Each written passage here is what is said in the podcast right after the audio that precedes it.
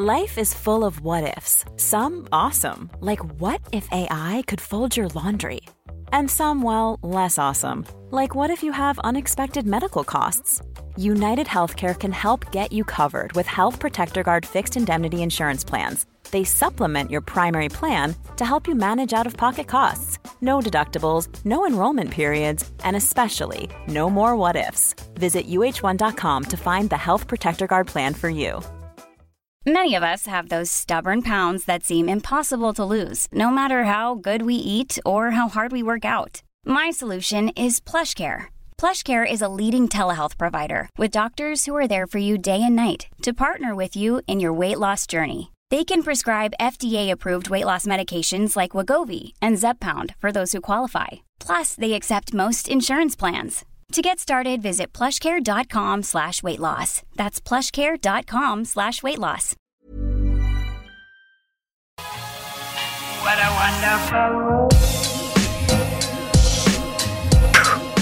Det er så deilig, Kristian, for at jeg ser vi har ikke på samme genser i dag, og det er det er, det er deilig. Jeg følte altså det var 'brother from another mother' sist gang vi satt der med ullgenser. Men nå ser jeg at du har gått over til en litt sånn eh, mer sånn eh, søramerikansk eh, klatretrøye. Mens jeg kjører fortsatt ullgenser. Det er fint at du tar steget og reiser fra meg. Det er deilig å se deg, Kristian. Det er deilig at eh, lytteren er i andre enden av eh, mikrofonen. Det setter vi veldig pris på. Og i dag i dag så skal vi altså snakke med en råtass. For vi sa jo sist at vi var ferdig med Birken. Eh, og det er vi jo for så vidt, men, men Birken er jo et evigående prosjekt. Og det har òg vært utrolig mye respons eh, på, på Birken-episodene, Kristian. Det skal du vite. Post eh, Birken-episoden har blitt lytta til ganske mange ganger. Jeg har fått mange, mange artige historier i etterkant. Og jeg tenkte vi skal starte faktisk dagens episode med en liten historie fra en lytter som lytta til Post Birken, og som følte for å dele sin opplevelse. Er du klar? Ja, ja, kjør. Jeg, jeg, jeg leser da bare eh, det som står her sånn uh, skrevet til oss på Instagram. Jeg hadde en passiar her sånn, men, men her kommer det. Og dette er da fra Addi, som uh, hørte på Post Birken-episoden, uh, og som hadde bare lyst til å, og, fortelle sin opplevelse, inspirert av din historie, Christian. Din omgangssykehistorie. For dette han hadde, eller Addy, eller Addy, han hadde da meldt seg på skøytebirken. Han har aldri gått Birken før. Han har brukt hele høsten eh, på å trene seg frem til Birken og var veldig klar og syntes at skøyting var veldig gøy. og bladdy bladdy. Så han dro opp til hytta på Sjusjøen hvor han skulle overnatte. Men så kom det jo melding om at starten var utsatt, og så lå det jo i kortet at det kom til å bli avlyst.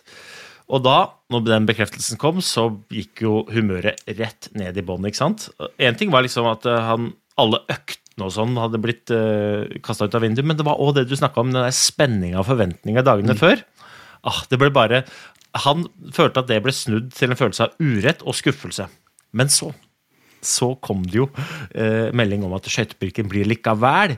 Eh, og da ble jo alt eh, snudd til ren eufori. ikke sant? Og han følte selv at det var en sånn heftig berg-og-dal-bane, rent følelsesmessig, eh, fra fredagsmorgenen. Men da alt roa seg, så var han mer klar enn noensinne til lørdag. Så da kom lørdag. Fantastisk. Ja, Så kom lørdagen. Strålende sol. Han testa skia, god glid. Tok meg startnummer, stilte seg opp, følte seg klar. Og han, Målet hans var mellom 3,5 og 4 timer, men hvis han klarte mellom 4 og 4,5, så var han ok fornøyd. Så går startskuddet. Går oppover, oppover, oppover og oppover. Men det går bra. Tempoet er fint, helt etter planen. Ikke starte for, høst, for hardt. ikke sant? Husker hva pølsa sa. Bladdy, bladdy. Kom forbi Skamsasetra. Begynner å lugge litt. Men ok, det går greit mot Dambua. Men så skjer det noe. Kroppen kjennes litt sånn tung ut. Mm. Nei, nei, nei, nei, nei, nei. Ja. Har, jeg, har jeg spist for mye til frokost? Har jeg ikke fått driti nok? Eh, Så han tar en liten gel for å få litt energi, kjører på videre. Farten får jeg opp på flatene i dobbeltlands og i nedoverbakkene, der hvor jeg er best. Men nei! Klarer ikke noe særlig god dobbeltlands, som jeg veit. Og kroppen er som bly. Og knekken, den kommer ikke i mål. Den kommer ved Karstadammen. Hva gjør man? Inn med mer gel. Og treningsgrunnlaget skal det ikke stå på, for han er jo såpass sterk. Så her er det bare en dårlig dag, dårlig dagsform. Men nei, det hjelper ikke. Sjusjen kommer og går, og han går, og han er helt kake. Og i tillegg så må han stake de siste fem kilometerne, for da gikk jo eh, Birken, skøytebirken i løypa der hvor Birken-traseen er. Det er ganske smalt. Så de siste kilometerne var lange. Kommer inn i mål. Sjangler, er svimmel. Og først nå kjenner vedkommende at han må noe inn i helvete på dass! For å tømme ryggen. Og klarer så vidt å finne veien ut av målområdet før det braker løs baki der. Så han var så svimmel og kvalm i tillegg, og oppriktig skuffa over at kroppen syntes det var så utmattet tøft med 54 km når man har gått femmil før uten problemer. Men så møter hun samboeren, og samboeren forteller at hun også er kvalm og har kasta opp. Og så legger man to og to sammen. Og det er det samme historie som deg, Christian. Omgangssyke. Og svigerfaren, som han hadde bodd hos på hytta, hadde også fått det. Å, fy Sant? Så det er jo det. Du hadde jo flaks, Christian. Ja, altså, det, er jo, det er jo det ultimate marerittet. For jeg tenkte jo også sånn Jeg tenkte også da sønnen vår ble dårlig, at jeg, jeg kommer jo til å starte hvis jeg ikke har blitt sjuk. Men altså, marerittet er jo å stå på Midtfjellet og kaste opp og drite på seg. Liksom. Det, er, det, blir jo, det blir jo ikke verre enn det. Det siste Men- meldinga Addy skriver, er at det tida hans For det er 4 timer og 50 minutter. Og bildene som du alltid får tilsendt liksom på sånn, Du kan kjøpe bildene. ikke sant? Det får du på mail.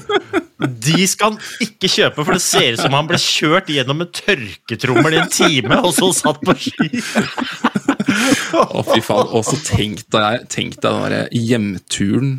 Kanskje da liksom sitte sånn to kvalme i en bil, i sånn kø. Tre.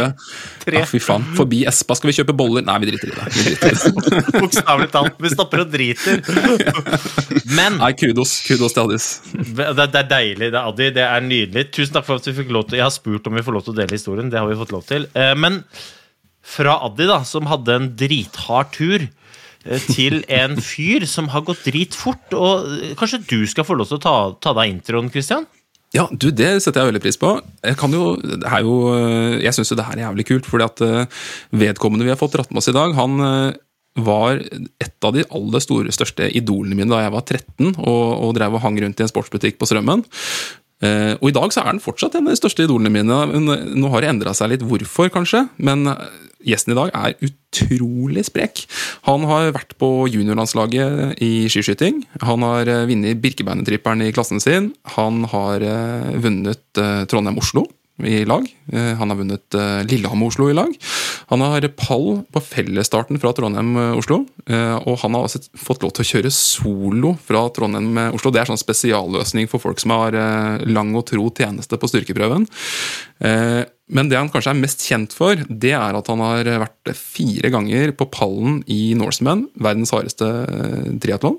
Han har vunnet to ganger, og han har hatt løyperekorden i flere år. og ved siden av det så er han deleier av Foss Sport på Strømmen. Han har tobarnsfar, og han er fortsatt gift! Og det er jo en fantastisk prestasjon når du har gjort så jævlig mye som det her, og jobber så mye.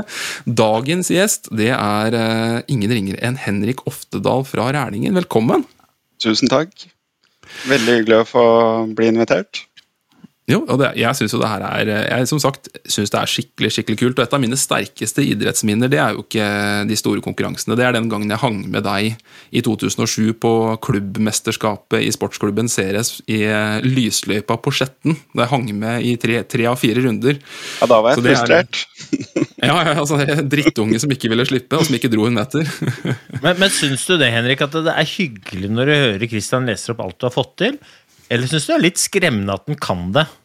Ja, det er litt skre... Det er... det er mest skremmende at han kan det. Jeg trodde alle hadde glemt det. altså det er, jeg får sånne bilder i hodet jeg hadde liksom Carmen Electra i sånn Baywatch-drakt over senga, men jeg er litt usikker på hva Christian hadde på bildet over senga. Jeg vet ikke. Jeg vil ikke vite svaret, så vi går bare videre, men jeg, bare, jeg får bilder i hodet. Ja, Du begynner jo, du begynner jo å lure på om det, om det gjemmer seg noen i busken når du sitter og ser på gullrekka på lørdag. vet du. Ja, og han likte alltid lørdagspizza og spiste alltid langpannepizza. Det har jeg hørt, sett, hørt. eh, Litt usikker. Nei, men Før jeg kommer med komplimenter på de nye gardinene i stua di, Henrik, så kan vi jo hoppe på dagens, dagens Det er ikke gardiner. Nei, det er ikke det. Heldigvis. Det vet du, Christian. Det vet jo du. At det ikke er gardiner. Nei, grunnen Henrik, til at vi, vi, har, vi, har, vi hadde jo egentlig Øystein, lovt å slutte å prate om Birken, og, men samtidig nå er jo oppkjøring til Birken. Nå er jo bare et år til neste gang. Eh, og Grunnen til at vi har fått med oss Henrik i dag, det er jo at eh, Henrik han gjorde noe eh, som var litt annerledes i år. Han, du har jo gått Birken ganske mange ganger før, Henrik? har du ikke det? Jo, jeg har gått ti ganger pluss de gangene jeg har gått skøytebirken. Og det er vel Nei. to eller tre ganger. Ja, og det er jo og som sagt, du er jo blitt Det er 49 du har blitt nå? Nei, jeg er ikke blitt riktig så gammel, men det er ikke så lenge til jeg blir 47. Ja, 47 er du blitt. Og det er jo, det er jo litt sånn Litt sånn trist egentlig at du, du persa i år først. Burde ikke du gjort det for ti år siden? Jo, eller jeg persa ikke i tid, men jeg persa i plassering. For det er første gang jeg er på, eller kom meg på pallen. Jeg har vært nære et par ganger, men um, nå så gjorde jeg ting litt annerledes, og da var jeg plutselig på pallen. Ja, for du har jo gjort, og det er jo veldig mange som har prata om staking de siste ti åra. Og vi har også prata i hjel staking, Øystein. Eh, Men det som er litt kult, er at du har jo du har jo, og de fleste som kjenner til deg, vet jo at du gjør ting veldig sjelden sånn halvveis, men du har jo liksom bestemt seg for at du skulle stake Vasaloppet, og du skulle stake Birken. Og da er jo spørsmålet hvordan i all verden var det du kom på altså Det at du kommer på å stake, det er jo på en måte det er mange som gjør uansett, men hvordan er det du kom på at du skulle gjøre det så skikkelig, og hvordan er det du liksom gikk til verks på det her? Nei, det, det, eh, det er egentlig litt mer tilfeldig enn det det høres ut, men det er i hvert fall eh, Dokken kom i butikken og sto på sykkelverkstedet og fortalte meg at han skulle stake Birken. Og så sa jeg Dokken Hvem er dokken? Nei, Dokken det er en god eh, kompis. Han har alltid fyra opp eh, hvis det er et eller annet. I 2011 så trakk han meg med, da var jeg ganske utrent. Og så trakk han meg med på laget som skulle kjøre med Rye eh, fra Trondheim. Eh, og det var vel sånn i eh, april måned omtrent. Og jeg kom meg akkurat i form, men det var liksom ikke noe mer enn mer enn det heller. Eh, Så han sto på nei, på sykkelverkstedet, og så sa han at til, eh, til vinteren da skal jeg stake Birken. Og så sa jeg dokken hvis du skal stake Birken, da har jeg lyst til å gjøre det òg.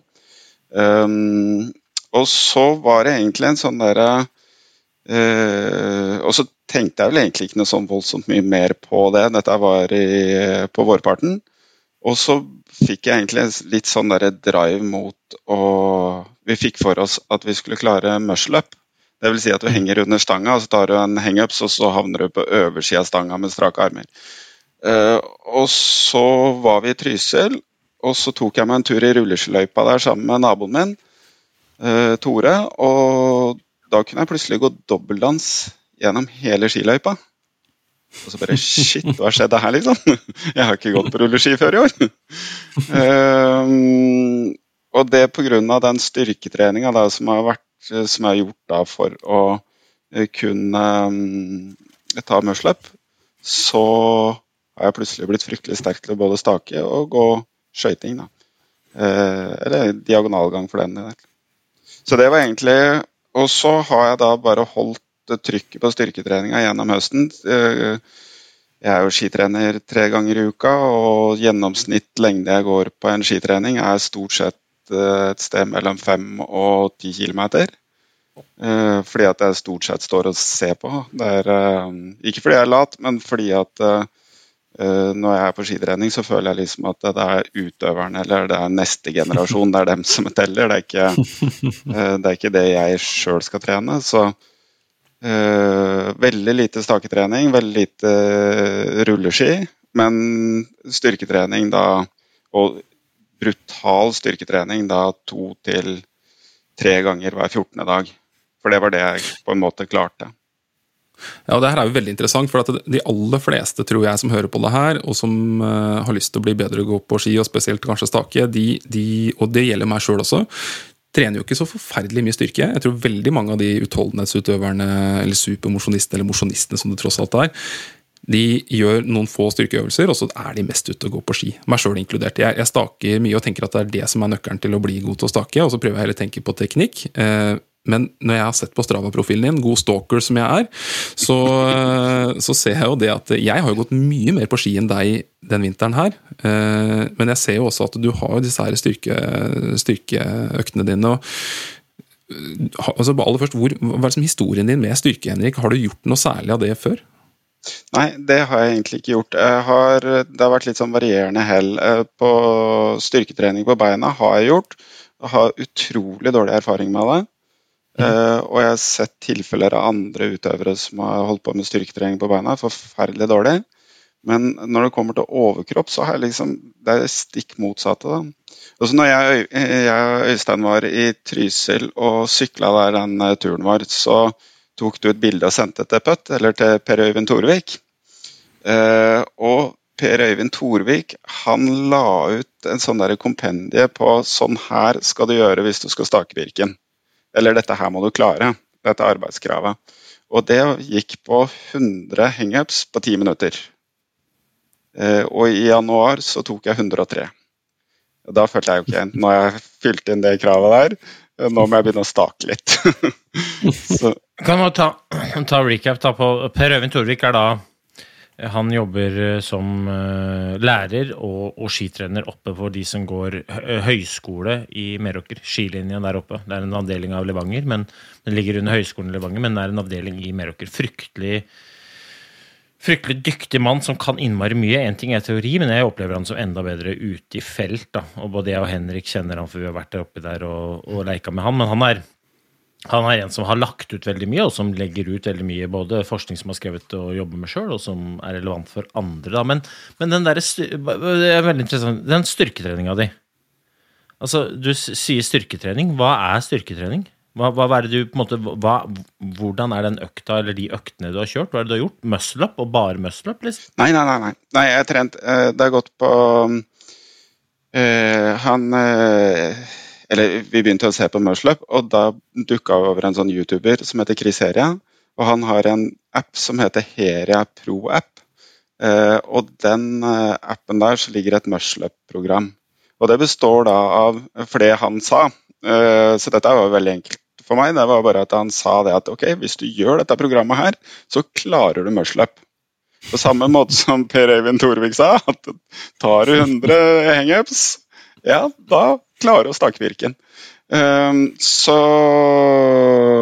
det gjorde jeg, uh, og det består da av uh, Første runde er uh, hangups med vekt. Og så er det hangups eksplosivt med Eh, til maks. Og så er det enarms eh, roing hengende under eh, stang. Da. Og så er det, fire, så er det fire runder. Og så, vi, og så, er det samme med dips. Eh, dips med vekt, dips eksplosivt og eh, dips, eh, eller straight bar dips er det kalles. Så du står rett på stanga. Uh, og så er det mage- og ryggøvelser fra helvete. og, og hvor, hvor, ofte kjører man dette? Hvor Nei, det, ofte kjørte du dette? Det var jo det som uh, Dette programmet tar jo nesten to timer. Uh, så jeg klarte å gjennomføre det I snitt så var det tre til fire ganger hver 14. dag, da. Mm. Så på de gode ukene så klarte jeg to, uker, nei, to ganger. På Ofte så ble det én eller ja, én og en halv, da. Men her er det snakk om egentlig øvelser som kun trenger eh, en hangup-stang og dip-stativ? Det er ikke noe apparater involvert her i det hele tatt? Så vi, Nei. I utgangspunktet så trente vi ute på Markholden, eh, mm. for det er jo mange steder her det stenger nå. Eh, nå er det litt kaldt, eller nå i vinter så har det vært litt kaldt, så da har jeg trent inne på Sportitude. Så er um, Men det er bare litt ekstra vekt som skal til på hangup, så er det jo tungt i seg sjøl. Men, og, og, så Men, men så eh, Birken eh, Jeg kjenner jo Per Øyvind Torvik veldig godt, da. Så hvis han sier ja, at hvis du klarer dette Hvis du klarer 100 hangups på 10 minutter, så klarer du å stake Birken. Eh, men da snakker han ofte til menigheta si, og menigheta si er jo ofte folk som har veldig god utholdenhet i bånd. men som ofte mangler grunnstyrken. Mm. er det sånn Trente du da dette styrkeprogrammet og utholdenhet ved siden av, eller var det bare styrke, eller? Altså, eh, det, jeg så at jeg hadde gått 800 km på ski siden, eh, eh, siden 1. januar. Eh, så noe har jeg gått på ski. Eh, men jeg har vel ikke gjort noe ut Og det som har vært litt spesielt i år, er at jeg har jo ikke trent en eneste intervall.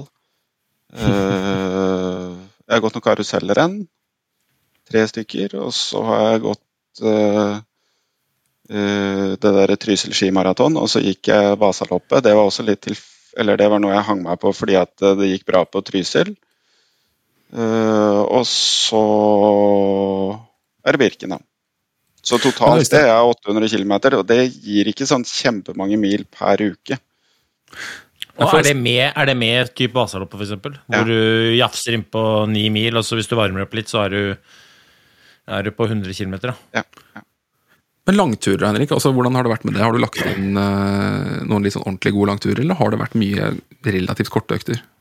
Ja, før Birken altså, så var det vel 1. januar, så gikk jeg og Storm en tretimerstur. Og den tror jeg staka, og så gikk jeg en tur i Nannestad. Den var på rundt fire timer. Og så var det jo Trysil skimaraton, og så var det Vasaloppet, og så var det vel det. Jeg har ikke noen flere langturer enn det. Du kan sjekke Strava. Jeg, jeg husker, husker i hvert fall ikke flere. Ja, og det, det, det er ganske interessant, da, fordi at jeg, jeg tror liksom um, Det er jo opplest og vedtatt at hvis du skal gå ordentlig fort, da, eh, og uten å tråkke på verken deg, meg eller deg, deg Christian, så, eh, så går jo ingen av oss ordentlig, ordentlig fort. Men for å gå ordentlig fort, så må man jo på en måte gjøre mer enn det vi snakker om nå, på all, langs alle akser. Mm. Men det er jo utrolig mange må, fine måter å få ganske mye bang for the buck når man én ikke har tid til å trene, og to i hvert fall ikke har tid til å hvile. Eh, på en måte å eh, eh, Styrke er jo definitivt en av de måtene som kan måte, fortest mulig herde muskulaturen, slik at du ikke trenger den der lange, lange, lange, lange turene som, som eliten er veldig opptatt av, og som også de trenger. Men for oss som på en måte skal gå sånn semifort, da, så, så, så er det jo mange måter å på en måte effektivisere treninga på. Sjæl så hadde jeg heller ingen, ingen eh, turer over to timer. Eh, Jeg, jeg, jeg har ikke noe tall på antall kilometer jeg går, men eh, i likhet med deg, Henrik, så logger jeg alt sammen og legger ut alt sammen. Jeg er, noe, jeg er veldig transparent på det. Da. Men det er ganske interessant å høre det styrkegreiene, for jeg har ikke Jeg hater styrketrening. Jeg syns det er så kjedelig. Eh, Men eh, jeg er helt sikker på at det har hatt effekt av det likevel. Det er bare at jeg gidder ikke å prioritere det, for det, er så, det er ikke så viktig for meg, liksom. Men eh, hvordan er det du eh, på en måte kom over det er, det er dette jeg må gjøre for å gå fort i Birken, for å ha mest mulig bang for det jeg holder på med, da. Ja, det, er, det er også egentlig litt tilfeldig. Det var den der oppdagelsen jeg gjorde borti Trysil. Uh, det som har vært med styrketrening, det er at jeg, jeg har oppdaga at Eller jeg har også vært som deg, Øystein. Jeg har ikke syntes styrketrening har vært noe gøy. Hvis jeg har holdt på en halvtime, så har jeg liksom vært ferdig. Eh, men eh, så oppdaga jeg calisthenics. Eh, det er jo en turninspirert styrketrening. Eh, og det handler mest om egentlig å holde på med ting som man prøver å få til ting, gjøre ting, sånn som f.eks. ta muscle up, frontlever, enarms hangups. At man trener for å kunne ta eh, klare nye ting. Da. Eh, og det, det skaper en helt ny motivasjon for min egen del i forhold til eh, å holde på med styrketrening. Ikke bare holde på med styrketrening fordi at jeg skal gå så fordømmer det fort i Birken. Det er mer en, eh, det er mer en sideeffekt av eh, styrketreninga som jeg syns er morsom. Da. Det er det som, eh, så det endra liksom helt Når jeg reiser på den styrketreninga og skal kjøre, eh, kjøre de øktene, så er jeg liksom ordentlig gleda meg. Det har ikke vært sånn derre å shit, nå får jeg en to timers styrkeøkt, åssen skal jeg holde ut, liksom? Hva slags musikk skal jeg finne på for at jeg skal komme meg gjennom? Men Uh, det er liksom, jeg har gleda meg. Er, uh, og den følelsen jeg går hjem med liksom ganske lange armer, da. Det er, uh, det er god. Men det er jo veldig interessant det du sier der, eh, og jeg tror veldig mange av de som hører på det her, også har det forhold til styrke, at det er sånn nødvendig onde man gjør. Eh, men nå som du på en måte har klart de der muscle-upsene, Henrik, bare sånn, for de som ikke vet hva en muscle-up er eh, Det her er jo noe som sikkert mange har et forhold til med Magnus Midtbø, klatreren. Men beskriv en muscle-up. Hva er det for noe? Ja, du henger under stanga, og så får du en liten sånn sving på kroppen, sånn at du får en slags rotasjon. Eh, Så trekker du rett opp og blir, eh, ender opp på strake armer på øversida av stanga. Da. Så, Det er, en slags, det er jo en hangups hvor du på en måte når du er ferdig med hangupsen, fortsetter i en dips. Så Yes. du kommer deg helt opp. ja, liksom. så du kommer helt opp. Og der er Du står der og liksom Du ser veldig grov ut, du må gjøre, men du må aldri gjøre det hvis det er lavt under taket. For da smeller det i huet i, Ja, det, i Men det her er jo en fantastisk tung eh, Det er jo en kjempetung øvelse. Men nå, som du har fått til det der, da, eh, og du får til flere også, har jeg sett eh, Du snakker om det her med motivasjon også med calisthenics, at du på en måte jobber mot et mål i styrketreninga. Nå som du har fått til det, hva, hva tenker du nå? Hvordan er det å motivere seg for styrketreninga videre nå? jo, det er akkurat, det er akkurat samme, fordi jeg syns, det er moro. Men nå er det jo nye ting som jeg tenkte jeg skulle prøve å få til. Frontlever, f.eks. Det er vel at du henger rett under stanga, og så er kroppen eh, horisontal. Um, det ser veldig gøy ut. Eh, og så har jeg, en, har jeg et skikkelig hårete mål, og det er ta enarms hangups. Det er eh, eh, Jeg var ikke så innmari langt unna før Vasaloppet. Men det her med, med styrketrening også, sånn, hvis du skulle gitt noen tips da, Nå, nå har du gitt eh, egentlig oppskriften på hva du har gjort, men ved siden av å ha gått fort på Birken, altså, har du noen andre argumenter for de som hører på, kanskje de som også begynner å bli eldre enn 20, på å gjøre de øvelsene her?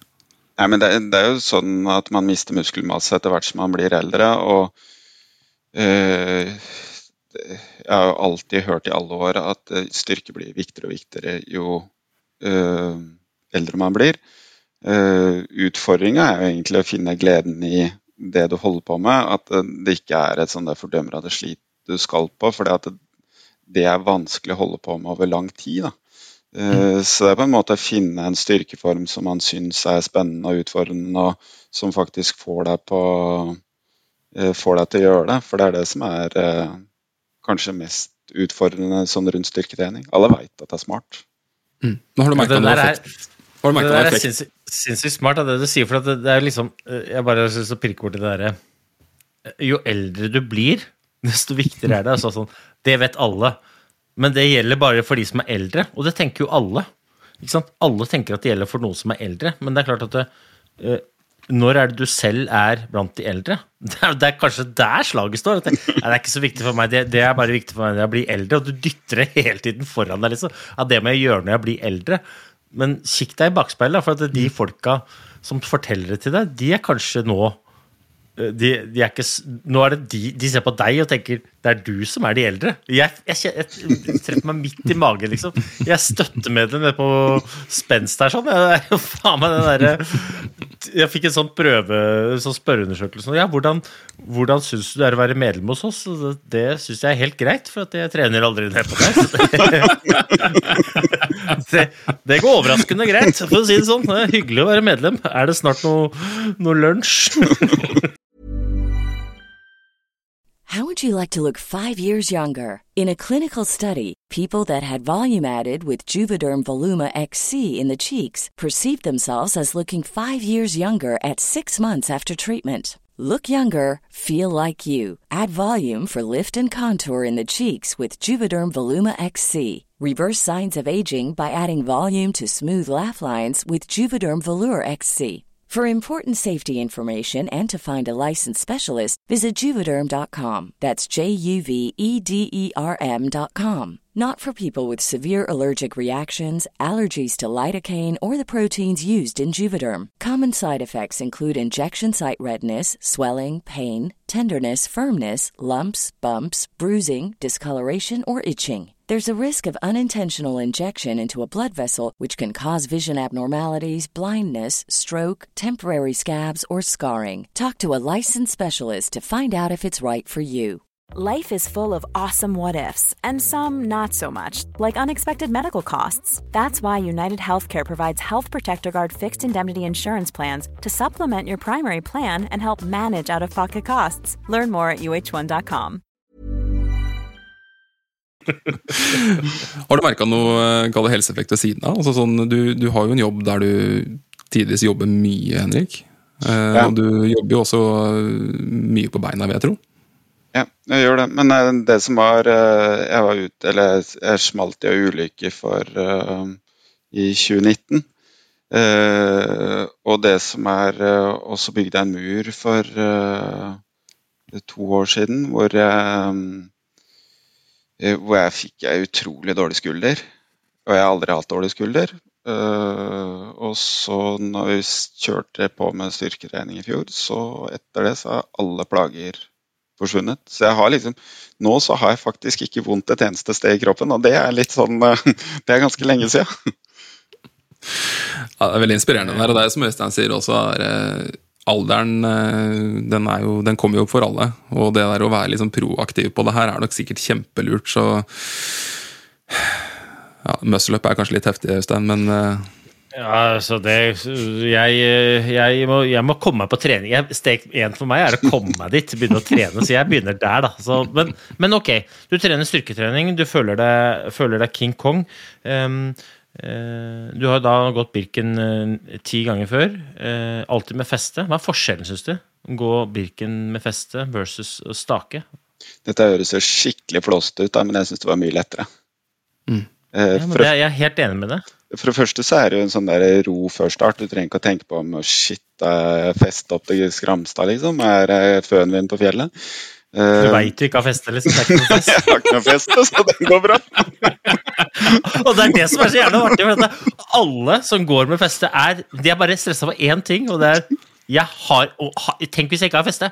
Og så de som ikke har feste, de er ikke stressa. Det, er, det der jeg er rart. Det som er overraskende, det er jo at uh, man um, Og særlig de der litt brattere kneikene, dem som går med feste, de går ikke noe fra. Det er ikke noe sånn der at de da får liksom uh, halvannet minutt på Jo, de kan kanskje få ti meter, liksom, men så sklir jo dem inn igjen. da. Ja, det er jo altså øh, Det er øh, liksom, det, Jeg mener at det er overkommunisert hvor hardt det er å stake. Og så mener jeg det minst like underkommunisert hvor hardt det er å gå diagonalgang. Altså, har du prøvd å gå diagonalgang til Dølfjellet? Altså, det er så hardt det, at du Shit, pommes frites! Det er sånn Jeg snakker 100-100 ganger til Dølfjellet. men, men, eh, men gutter, nå er det jo eh, Nå er jo også spørsmålet, da. Altså er det, når er liksom kneika du må over før det faktisk blir enklere å stake? Også, eh, jeg veit det er vanskelig å kvantifisere det her sånn helt, eh, helt ned på tall, men for, på et eller annet tidspunkt så, så bryter du jo. Altså, eh, er du for svak, er du for dårlig trent, er du liksom sånn og sånn, så vil det jo på en måte være tungt. Men når er det det på en måte blir mer arbeidsøkonomisk å stake? Det er, sant, det er som Du sier, du, du svarer jo litt på spørsmålet når du stiller det. Men jeg, jeg, jeg har sagt det i fullt, og det mener jeg fortsatt i fullt alvor. Jeg tror at topp 100 i, i Birken, cirka, tjener på å stake. Derfra ut så tror jeg man går eh, fortere med feste. Ja, men, men- det, men, men ikke sant? så er det da, kommer det da folk som eh, enten er i sterk fysisk form, eller som ikke har langrenn i kroppen. Liksom, de kan eh, eh, tjene på å stake. Og så er det jo føravhengig, veldig, veldig føravhengig. Nå var det veldig fint før i år, da. Men så er det òg det der andre elementet med at eh, sånn, når du først får inn teknikken, så er det mer arbeidsøkonomisk, mener jeg, da, å stå og stake, og du på en måte angriper løypa på en annen måte. Og så har du litt bedre ski, ikke sant. For eksempel, eh, jeg skal ikke si ett stygt ord om felleski, i og med at vi ikke nevnte felleski sist, så skal jeg ikke snakke felleski ned nå, men det er sånn Det å stake Birken på felleski, ho, det er kjempetungt. Det vil ikke lønne seg for noen. Eh, Men, men det å stake de på, på ordentlig gode stakeski, da, eller blankeski, eller eh, hva så, det er noe helt annet.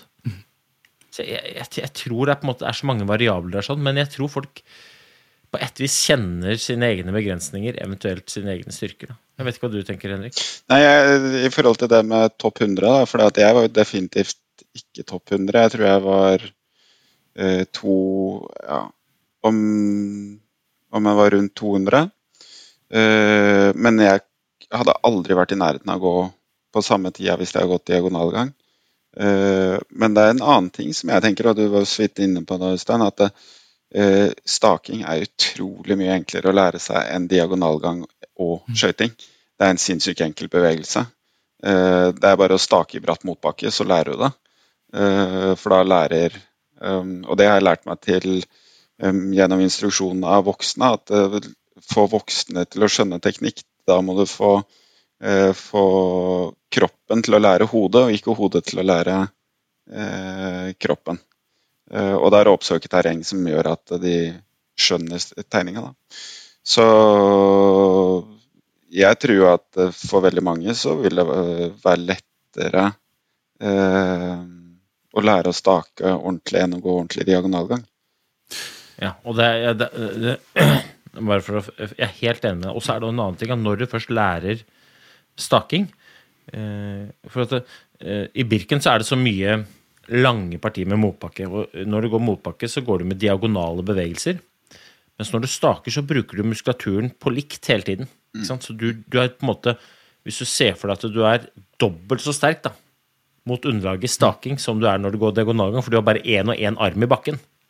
Ok, ja, du har med deg beina, men du er dobbelt så sterk hvis du lærer å stake. Og det er veldig enkelt, som Henrik sier. Det er veldig enkelt, og veldig sjelden så går det an å gå ordentlig diagonalgang hele veien i Birken, for føret forandrer seg. Det er kanskje litt løst. Skiene er sånn og sånn og sånn. Det blåser litt. Staking.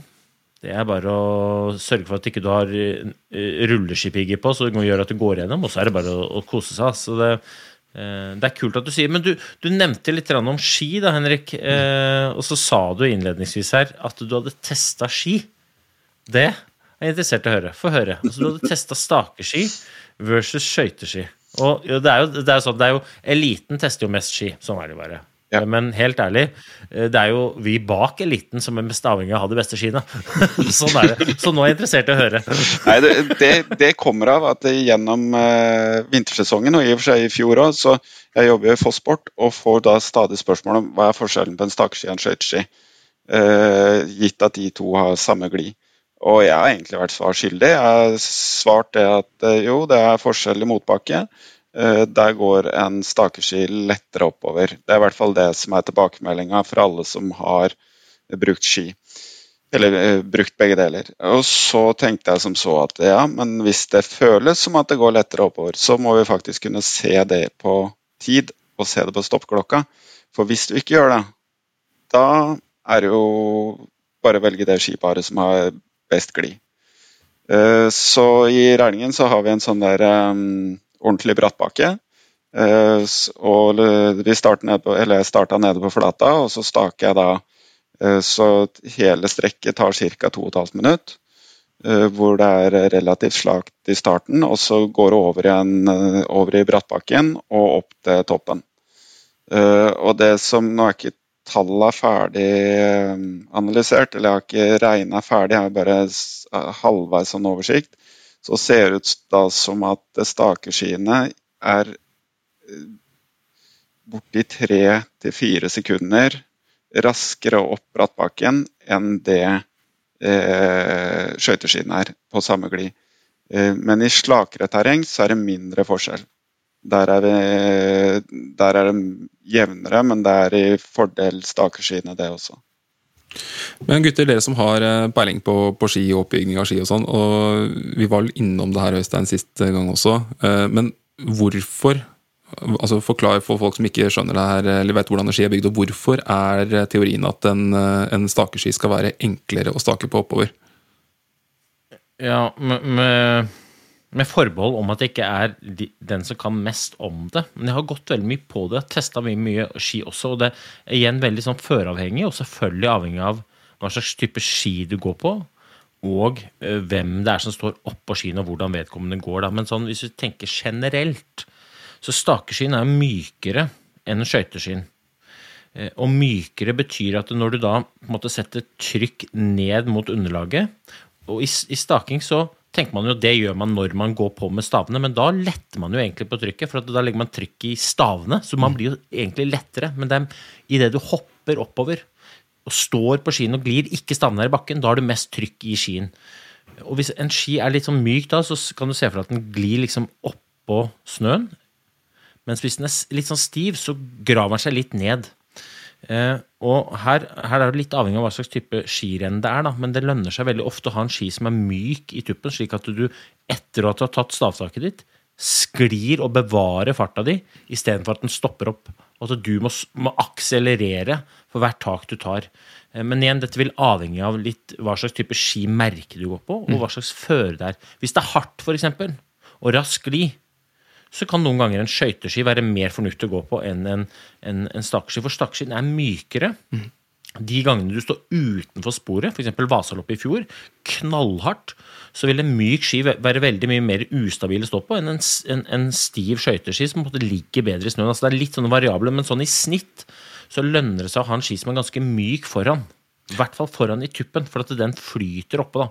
Og det her kan man jo, eh, for å gjøre det veldig eh, veldig enkelt, så, så, så, på en måte vil jeg stort sett anbefale enten å gå på en stakeski eller en, eller en, en myk klisterski. Da, for en klisterski er ofte veldig myk i tuppen. Litt høy, men den er myk i tuppen. Men det går an å bruke den der minningen til rottefella. Og her skal jeg si at jeg har av, en avtale med rottefella, så ikke folk tror at er snikreklame. Jeg har en avtale med rottefella. Men grunnen til at jeg har den avtalen med rottefella og bruker den bindingen, er fordi at det, da kan du flytte bindingen og justere skiens egenskap ut ifra hvor du står på skia.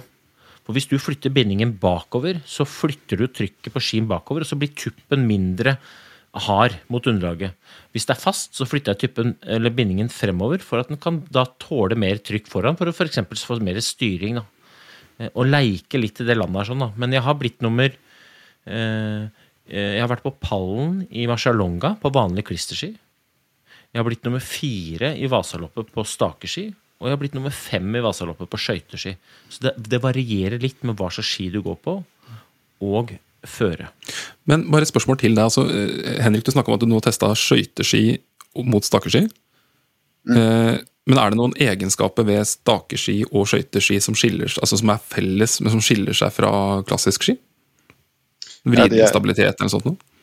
Skøyteskien er jo veldig mye stivere enn klassisk skien, mm. Så det er, jo, det er åpenbart. Men øh, jeg hadde ikke øh, de klassiskskiene mine, beste klassiskskiene men som matcher de skøyteskiene og som matcher de stakskiene. De var på utlån, så mm. øh, de hadde jeg ikke tilgjengelig. Uh, så derfor um, uh, Derfor fikk jeg ikke de med på test, men det var to stakepar mot uh, skøyteparet. Har du mm. gjort sånne tester i tid i motbakke, Øystein? Ja, jeg har gjort ganske mye av det. Det, det, det, det her er kanskje litt sånn nølete, men jeg, jeg, jeg, tror folk har godt av å høre det. For det er noen fallgruver her sånn, da. Og det folk skal være klar over, er at en lang ski vil alltid føles treigere enn en kort ski hvis du bare tar en liten runde. Du vil føle den korte skien kvikkere enn den lange skien. Og du kan sammenligne det med, bare for at måte, folk kan få et litt annet bilde, eller lettere bilde, liksom. Du skal løpe maraton, og så har du en sånn superlett sko som er sånn veldig responsiv og tynn såle, og så har du en ganske fulldempa joggesko på den andre. Og, da, da, måte, og så løper du, jeg lurer på hvem jeg skal ta, og så løper man to minutter. da. Så er det sånn, jeg, jeg tror jeg tar den lette, for jeg føler den er lettere. Ja, den er sikkert lettere i én time. Kanskje også halvannen. Men så begynner du å merke det. Og litt sånn er det med ski òg, da. At eh, ikke la deg lure av det første førsteinntrykket ditt sånn på hvem, hvilke ski er det som føles kvikkest. For ofte så er en stiv, kort ski kvikkere enn en mykere ski som ligger litt mer nede i snøen, og som på en måte flyter litt mer. da. Eh, og eh, dette har jeg testa ganske mye. Eh, jeg er veldig klar på at en stakeski eller en myk klasseski ofte øh, går foran en skøyteski hvis man går lenge. Arbeidsøkonomien i skien, altså hvor lang, hvordan er det skien tar vare på farta mellom hvert stavtak, er veldig mye bedre. Men det er ikke så lett å merke før du merker at skøyteskia di stopper. Og da merker du det.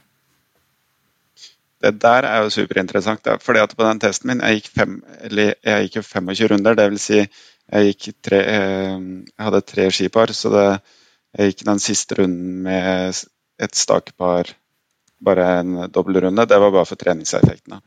Eh, men 25 runder opp den eh, brattbakken, det er ganske heftig. Og det som var, det var at jo lenger ut i testen jeg kom, jo større ble forskjellen. For det som var, det som var 10 sekunder forskjell på runden, det ble plutselig 12-13. Eh, I, i, i favør I favør stakeskiene. Ja. Fordi at- jeg, jeg, jeg, tror, jeg tror det ligger der, da. I liksom at eh, arbeidsøkonomien er litt Mm. bedre. Men, men det er ikke så lett å kjenne det med en gang.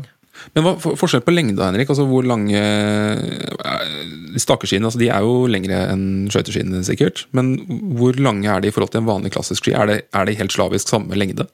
Nei, det, det er 191 lengde. Eller om det er 192. Det er i hvert fall eh, tilnærma likt skøyteskiene. Ja. Eh, De fleste Fischer hadde jo noen som het eh, DP Long.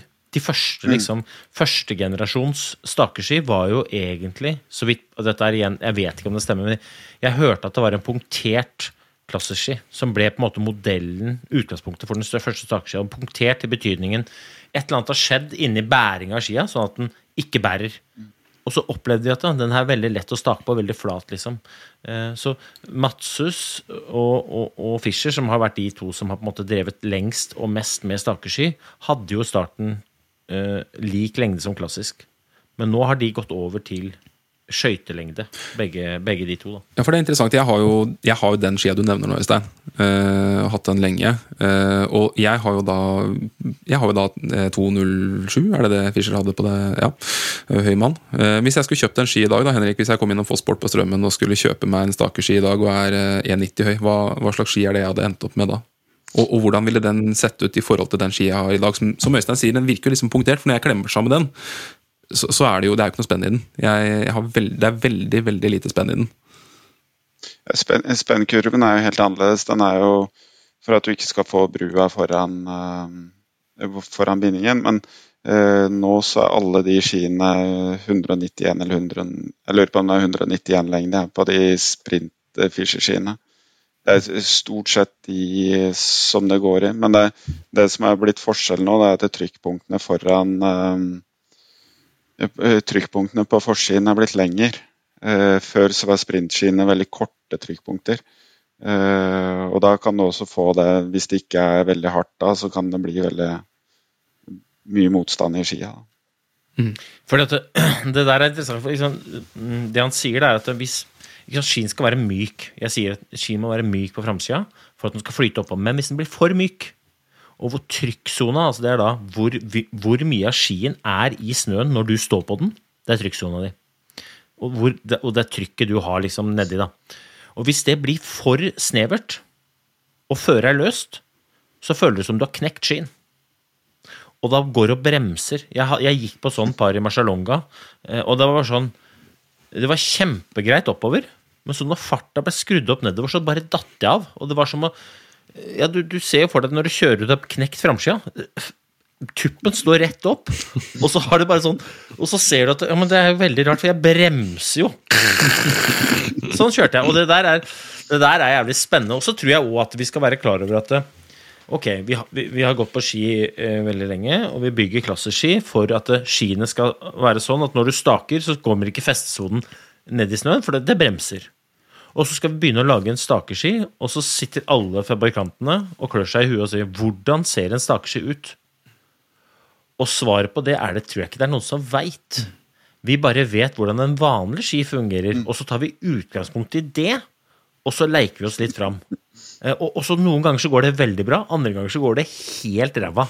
Men det her er kjempespennende. Jeg hadde, jeg hadde jo et år hvor jeg eh, Jeg er veldig glad i Matshus. Jeg jobber med Matshus. Eh, Jeg føler at vi er på eh, kvantes, tatt kvantesteg for hver eneste måned når det kommer til å bygge en veldig god ski. Jeg hadde veldig god ski i Birken sjøl. Men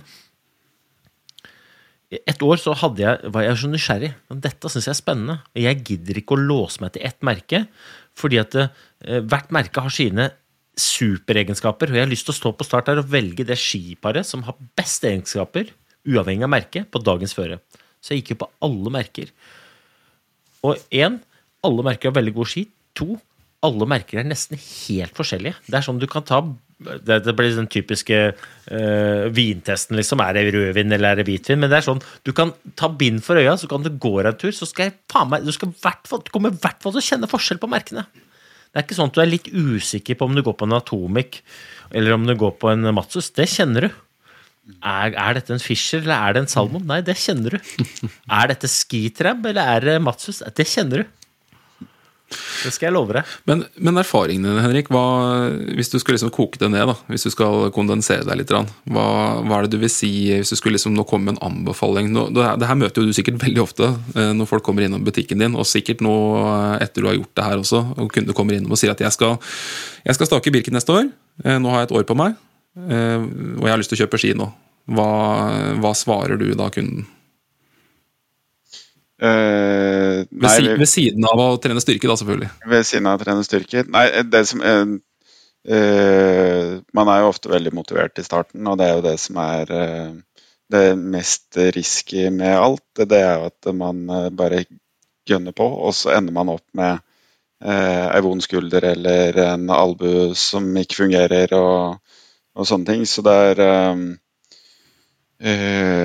at man bygger stein på stein, da. At det er ikke rett i 100 hangups på ei økt å eh, kjøre på. Det er uh, at man bygger treninga og er, Et år er veldig lenge. Uh, hvis det bygges riktig, så kan du få til hva som helst. Hvis du uh, har det for travelt, så ender du opp med å ikke få det til. så hvis man bare Den derre fantastisk kjedelige uttrykket med å skynde seg langsomt, det er jo eh, Det er sinnssykt viktig. I ja, hvert fall når, man blir eldre. Når det kommer til skia, Henrik hva... når, når, det kommer, eh, når, det kommer, godt voksne menn og damer innom og skal kjøpe ski, og vi har erfaringene dine fra det du har funnet ut der, da?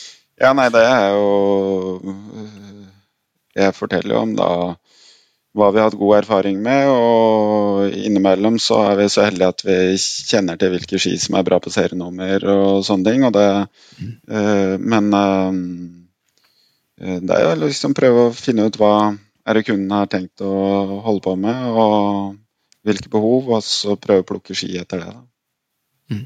Men når det kommer til stakeski, så om det er den eller den fleksen, det er nok ikke så viktig. Det er nok viktigere å finne et skipar med, som man kan se ut til å ha gode allround-egenskaper.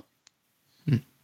Jeg tenker jo sånn, også sånn, Nå begynner vi å nærme oss slutten her, karer, men uh, må jo også eh, komme liksom med en tanke om at det er jo veldig mange som selger stakerski. Mange som selger ski i det hele tatt, selvfølgelig. Men uh, det er jo en fordel også å kjøpe ski i forretninger som ikke bare veit hva de driver med og har bra med par å velge mellom og kan plukke det, men det er også det å kanskje kjøpe et sted som faktisk kan hjelpe deg med en god slip også, når det begynner å nærme seg løpet. At man kan komme inn og få få den riktige slipen. Øystein slipte jo skia sine rett før Birken. Eh, og jeg har også vært innom Foss eh, flere ganger i forkant av Birken for en del år siden nå, riktignok. Eh, og fått en kall det riktig slip ut fra dere som har vært og testa på fjellet. da. Det, det, er det ikke alle butikker som kan tilby, men det er jo nisjeforretninger sånn som Foss eksempel, som kan tilby for å arrestere meg hvis jeg sier feil, Henrik.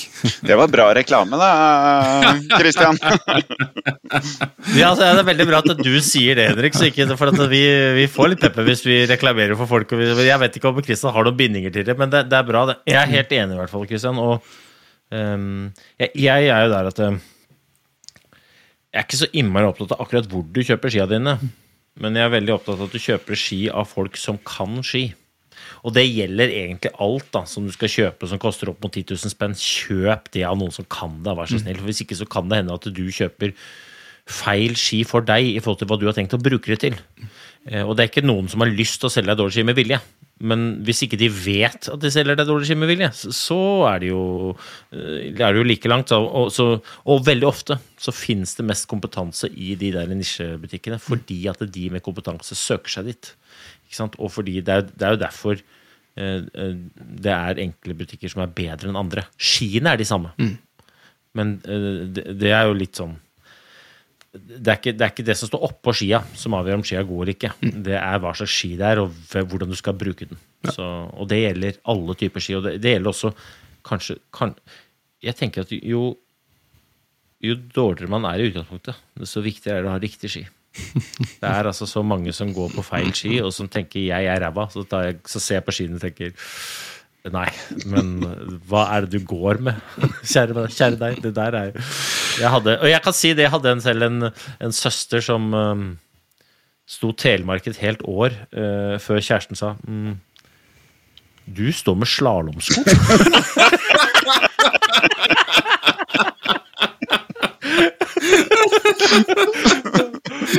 Beklager, Ingvild. Jeg måtte bare si det når jeg kom inn på utstyret. Liksom. Så det er mange som dessverre får litt feil rettledning, da, og det er veldig synd. For det, det, det går utover gleden.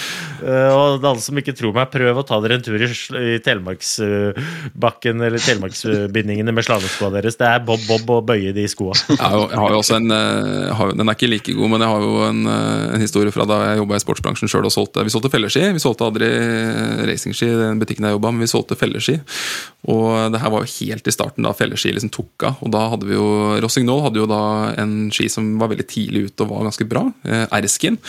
Og da husker jeg jeg solgte et par til en, eh, en kompis. Litt sånn eh, perifer kompis. Og han var kjempefornøyd. Fikk en eh, bra pris og skulle ut og gå. Og så fikk han ikke feste, og så hadde han gått to-tre turer. Og så turte han liksom ikke å si ifra, for han trodde at han gikk dårlig på ski. Og, og så sendte han en melding. Du, skal de smøres til fellesskia? Så, Nei, nei, det skal ikke være nødvendig det. Altså, ja, Jeg har sett at det fins noen produkter fra Swix som du kan kline på. da, så, ja, Det er sånn impregnering, det er mest hvis det er skitten snø og sånn. da.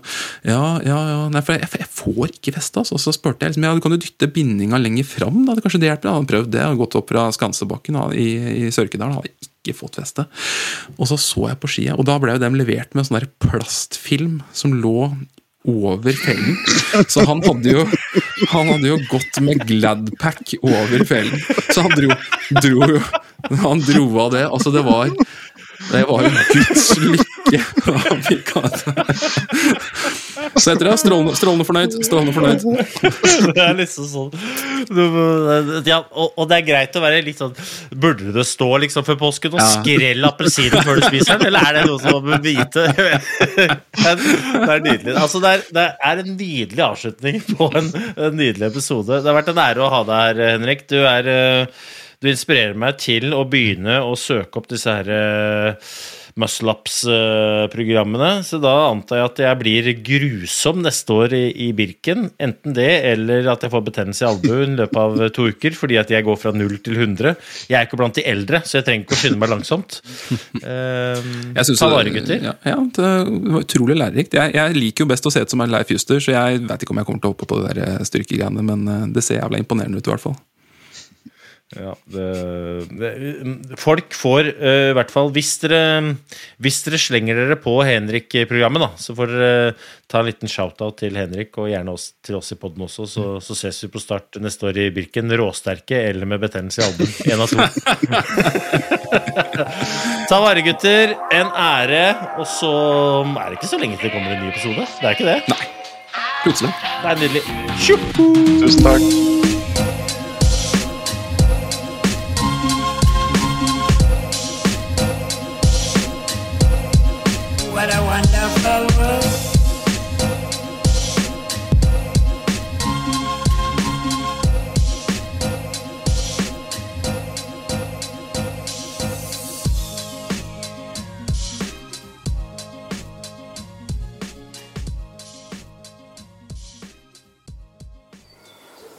Gode dager.